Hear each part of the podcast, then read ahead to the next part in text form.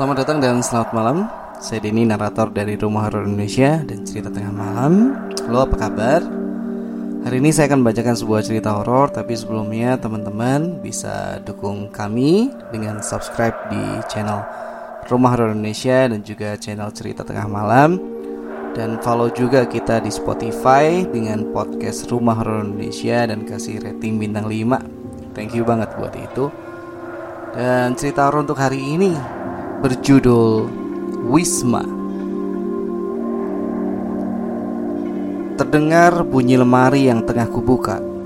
Aku ambil beberapa pakaian dan celana ganti, baik yang luar maupun yang dalam, untuk persiapan menginap di Klaten. Lalu kumasukkan ke dalam tas traveling yang sudah kusiapkan sebelumnya di atas tempat tidur.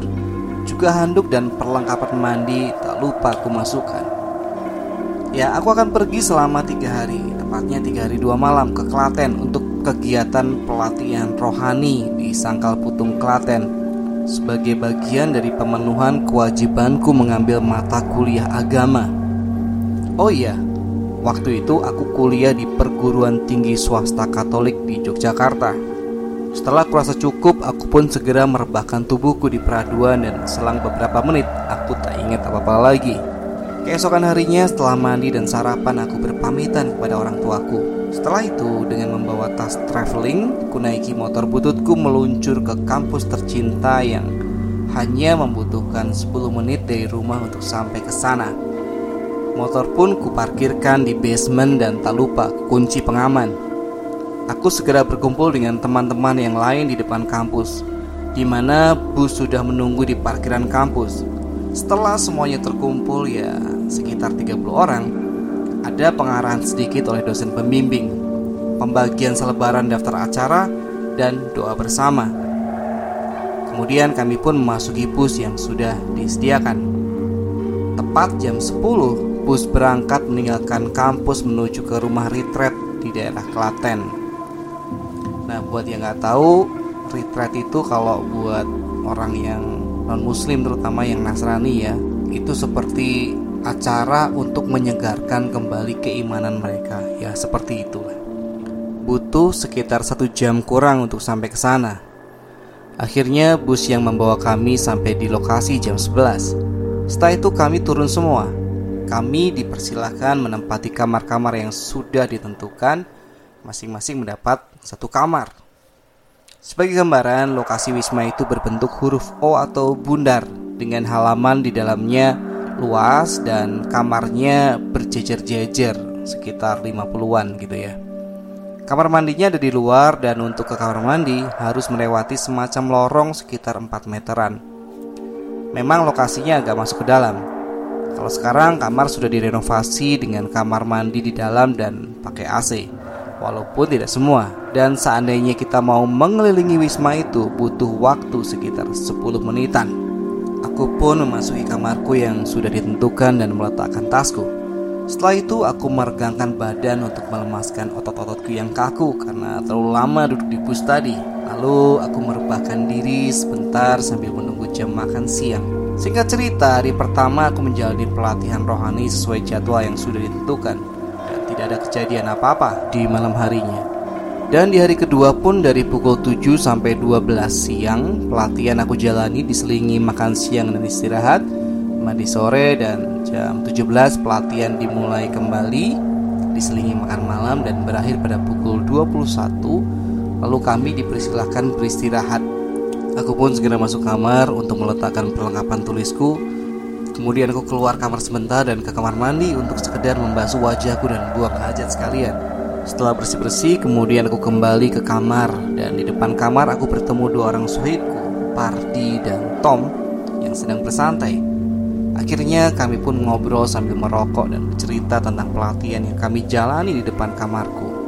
Lalu Pardi tiba-tiba bercerita tentang kejadian aneh yang dialaminya pada hari pertama di sana. Pardi bercerita setelah pelatihan hari pertama selesai, aku segera ke kamar mandi dan menggosok gigi. Setelah itu aku segera ke kamarku untuk secepatnya bisa tidur. Biasanya aku paling cepat tidur jam 12 malam, tapi mumpung di sini aku mau balas dendam tidur sepuasnya.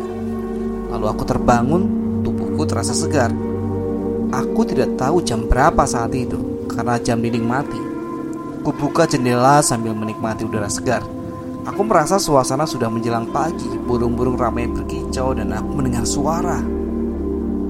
Seperti tukang kebun yang sedang melaksanakan tugasnya, menyapu kebun, menambah keyakinanku kalau pagi hari sudah menjelang. Lalu ku ambil handuk dan perlengkapan mandi dan segera keluar menuju ke kamar mandi. Karena jarak ke kamar mandi cukup lumayan, sambil berjalan aku bersiul-siul riang. Sebelum masuk ke lorong arah kamar mandi, aku mendengar suara kebiar-kebiur orang yang sedang mandi. Wah, lumayan ada teman pikirku. Tak berapa lama aku sudah sampai ke lokasi kamar mandi. Ada sekitar empat kamar mandi di sana. Tapi yang bikin aku agak curiga, pintu kamar mandinya terbuka semuanya dan di dalamnya hanya tampak lantai yang kering. Padahal aku merasa yakin kalau ada yang mandi. Kebetulan ada jam dinding di sana dan kagetlah aku karena jam baru menunjukkan pukul 2 dini hari. Tiba-tiba suara-suara kicauan burung menghilang dan suasana mendadak sepi dan mencekam. Dan salah satu pintu seperti ditutup dengan kasar, disusur dengan pintu-pintu yang lainnya juga tertutup dengan keras. Lalu tanpa pikir panjang lagi larilah aku sekuat tenaga menuju kamarku Rasanya mau teriak-teriak tapi ia masih ingat malu. Langsung saja ku kunci pintu naik ke tempat tidur dengan selimut yang menutupi kepalaku. Ya itulah cerita yang dialami Pardi.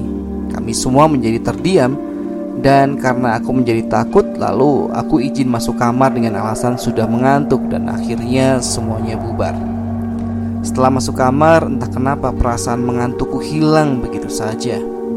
Kulihat jam dinding menunjukkan pukul 22.30 Aku pun melanjutkan acara merokokku. Aku nggak pedulikan larangan no smoking yang ditempelkan di dinding kamar tidurku. Aku merokok sambil berharap kantukku kembali datang. Kemudian aku dikejutkan oleh suara ketukan pintu kamarku. Sempat kulirik jam ternyata sudah pukul 23 lebih 15 Aku deg-degan Siapa sih yang bertamu ke kamarku malam-malam begini? Siapa ya? Tanya aku sedikit berteriak. Ini, aku Tom. Jawab seseorang di balik pintu. Aku pun segera membukakan pintu. Aku lihat temanku Tom sedang berdiri di depan pintu kamarku dengan muka agak pucat sambil membawa bantal dan selimut. Sambil tertawa geli aku berkata, "Eh, demi jelek, bikin kaget orang saja. Ada apa?" Aku minta izin tidur di kamarmu ya. Please bro. Memangnya kenapa sahutku Ayo masuk dulu. Lalu Tom pun bercerita Kalau suasana di kamarnya terasa tidak nyaman. Kayak ada yang mengintip dia dari sela-sela lubang ventilasi di jendela kamarnya. Katanya sih dia sudah merasakannya sejak malam pertama Tapi tidak se ekstrim malam ini. Akhirnya aku pun mengizinkan dia tidur di dalam kamarku tetapi karena tempat tidur cuma satu dan hanya cukup untuk satu orang, akhirnya aku yang mengalah untuk tidur di lantai dengan meminta selimutnya untuk tambahan alas tidurku. Setelah itu si Tom tertidur pulas disertai dengkuran yang lumayan keras, meninggalkan aku yang masih melek. Ah, sialan ini anak.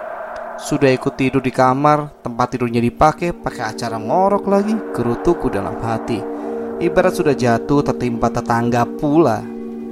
Akhirnya aku duduk di kursi yang ada di kamar. Tak kenapa mataku belum mau diajak kerjasama untuk tidur. Sambil menyalakan dan menghisap sebatang rokok, mataku bergerilya mengamati seluruh sudut kamar tidur. Aku melihat ada sebuah kalender di dinding kamar dan ku ambil sambil iseng-iseng ku balik setiap lembarannya. Ah, demi jelek nih, gumamku. Ternyata di kalender itu banyak tulisan-tulisan tangan iseng yang isinya seram semua. Ada yang menulis, hati-hati di kamar ini sering ada penampakan. Di malam hari jendela jangan sampai dibuka. Sering ada suara-suara aneh. Kalau ke kamar mandi malam-malam jangan lupa berdoa. Awas ada penampakan suster. Suster hantu sering lewat di teras kamar ini dan lain-lain. Wah, kacau balau. Dan akhirnya aku putuskan tidur saja daripada aku teruskan membaca tulisan gak jelas di kalender itu yang malah membuatku tambah takut saja.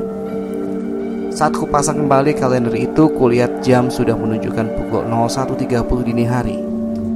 Tapi anehnya mataku terasa sering banget nengok jam dinding itu. Aku pun segera merebahkan diri ke kasur kerasku di lantai sambil baca-baca doa dan akhirnya aku pun terlelap. Kemudian dalam posisi tidurku di lantai, aku mendengar suara-suara yang jelas tapi masih agak jauh sekitar tiga kamar sebelum kamarku. Suaranya itu seperti orang sedang menyeret sesuatu dan seperti tongkat kayu yang dipukulkan atau diketokkan ke lantai. Suara itu sangat mengganggu tidurku. Akhirnya aku duduk di lantai sambil terkantuk-kantuk. Ku dengarkan kembali dengan seksama dan terdengar semakin keras. Kini sepertinya akan melewati kamarku. Jantungku mendadak berdetak sangat kencang. Keringat dingin mulai mengalir tanpa aku sadari. Aku sangat ketakutan dan berusaha membangunkan temanku Tom. Aku panggil-panggil dia sampai-sampai aku lemparkan bantalku. Tapi dia tetap tidak mau bangun. Nah, pada saat aku mencoba membangunkannya dengan menguncang tubuhnya, tiba-tiba seperti suara pintu yang digedor-gedor dan digoncang-goncangkan selama kurang lebih 5 sampai 10 detik ya kayak gempa gitu. Tapi bukan pintu kamarku, melainkan pintu kamar kedua sebelum kamarku. Pintu kamar ada jendela kaca kecilnya di bagian atasnya, jadi pasti bergetar kalau digedor-gedor. Setelah itu dilanjutkan suara seperti srek, klotak, klotak, sret di pintu kamar sebelahku, persis sebelum kamarku. Aku terdiam Nafasku ngos-ngosan. Jantungku berdebar kencang. Bulu kuduku berdiri. Keringat dingin keluar Tubuhku bergetar dan merinding. Niatku untuk membangunkan temanku hilang tak ke mana. Sambil berdoa sebisaku dalam hati Mataku terus menatap ke arah pintu dan bersiap-siap menanti apa pun yang akan terjadi. Tapi setelah kutunggu-tunggu Suara-suara tadi tidak lagi terdengar dan tidak ada yang menggedor pintu kamarku Lalu entah aku yang bodoh atau saking penasarannya, kakiku malah bergerak ke arah pintu. Dan dengan menarik nafas dalam-dalam serta dengan mengumpulkan seluruh sisa keberanianku, aku buka pintu kamarku dengan cepat dan tidak ada apa-apa. Aku sempat berpikir, kok aneh, seakan-akan kamarku hanya dilewati. Akhirnya aku beranikan diri untuk keluar kamar, tengok kanan, kiri, sepi, sunyi dan hanya aku sendirian di sini. Tiba-tiba angin dingin menerpaku. Bulu kuduku kembali merinding. Tiba-tiba sekitar 3 meter dari tempatku berdiri ada wujud seperti wanita tua yang sedang berjalan sambil menggeret salah satu kakinya yang sepertinya lumpuh dibantu dengan alat penyangga tubuh.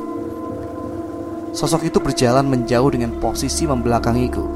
Gambarannya seperti orang kena stroke yang sedang latihan berjalan dan dibantu dengan sebuah alat bantu penyangga tubuh. Jujur aku terpana oleh pemandangan itu. Tubuhku bergetar hebat karena ketakutan yang luar biasa. Kakiku sepertinya tidak bisa bergerak, lemas seperti tidak ada tenaga. Mulutku pun ingin berteriak, tapi rasanya tak mampu. Bernafas pun rasanya sulit. Rasanya rohku sudah ada di pucuk kepala hanya beberapa detik. Ya, hanya beberapa detik aku melihat penampakan itu. Tetapi rasanya seperti lama sekali waktu berjalan. Tapi untunglah seperti ada kesadaran kecil yang menyuruhku untuk kembali masuk ke dalam kamar. Dengan tergesa-gesa, kututup dan kukunci pintu kamarku. Segera kurebahkan tubuhku yang terasa lelah luar biasa di lantai dan kututup mataku serapat-rapatnya. Untunglah tidak pakai acara ngompol di tempat. Aku pikir semua telah berakhir, tapi ternyata tidak. Suara itu kembali terdengar, tapi sekarang hanya suara seret, lotak-lotak yang berulang-ulang dan terdengar semakin menjauh dari kamarku dan akhirnya menghilang. Sambil memejamkan mataku, aku berdoa dalam hati terus-menerus dan tanpa sadar akhirnya aku tertidur. Bro, bangun. Aku mau balik ke kamarku ya. Sekarang sudah jam 6 pagi, siap-siap loh, kata si Tom sambil membuka pintu dan keluar dari kamarku. Aku pun terbangun masih terkantuk-kantuk dan beberapa detik kemudian mataku langsung melek. Aku tersadar kalau tadi malam aku mengalami kejadian horor. Syukurlah hari sudah pagi. Aku menarik napas dalam-dalam dan menghembuskan nafas panjang sebagai tanda kelegaan dan bersyukur karena hari ini adalah hari terakhir pelatihan rohani di Wisma ini. Aku pun bersiap-siap untuk mandi. Waktu menuju kamar mandi, aku mencoba meneliti kamar-kamar yang tadi malam seperti digedor-gedor. Aku baru menyadari ternyata ada tiga kamar sebelum kamarku yang tampak tidak dipakai. Posisi tiga kamar itu berjejer menuju ke arah lorong masuk kamar mandi. Padahal perasaanku selama dua hari di sana seperti ada yang menempatinya. Hal ini aku ketahui setelah berbicara dengan tukang kebun yang sedang menyapu halaman. Ah, kacau balau. Pikirku sambil berjalan agak cepat masuk ke arah kamar mandi dan mandi secepat kilat. Akhirnya jam 12.30 pelatihan rohani pun berakhir.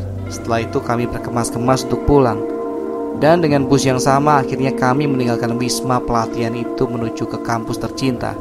Di dalam bus kuceritakan kejadian tadi malam pada temanku, Party dan Tom. Mereka pun menjadi heboh, khususnya si Tom yang ikut tidur di kamarku. Dia sama sekali merasa tidak mendengar apa-apa dan dia menyalahkanku karena tidak membangunkannya. Aku lemparin pakai bantal saja kamu nggak bangun-bangun, semprul gue, kataku kepadanya dengan nada jengkel. Si Tom cuma cengengesan dan tertawa karena malu. Lalu yang lain juga akhirnya ingin tahu dengan apa yang terjadi. Aku pun jadi pusat perhatian. Wah, jadi bikin gaduh deh di bus. Oke teman-teman jadi gitu ya cerita horor kita untuk malam hari ini. Terima kasih sudah mendengarkan sampai akhir. Sampai ketemu lagi di cerita horor berikutnya. Selamat malam, selamat beristirahat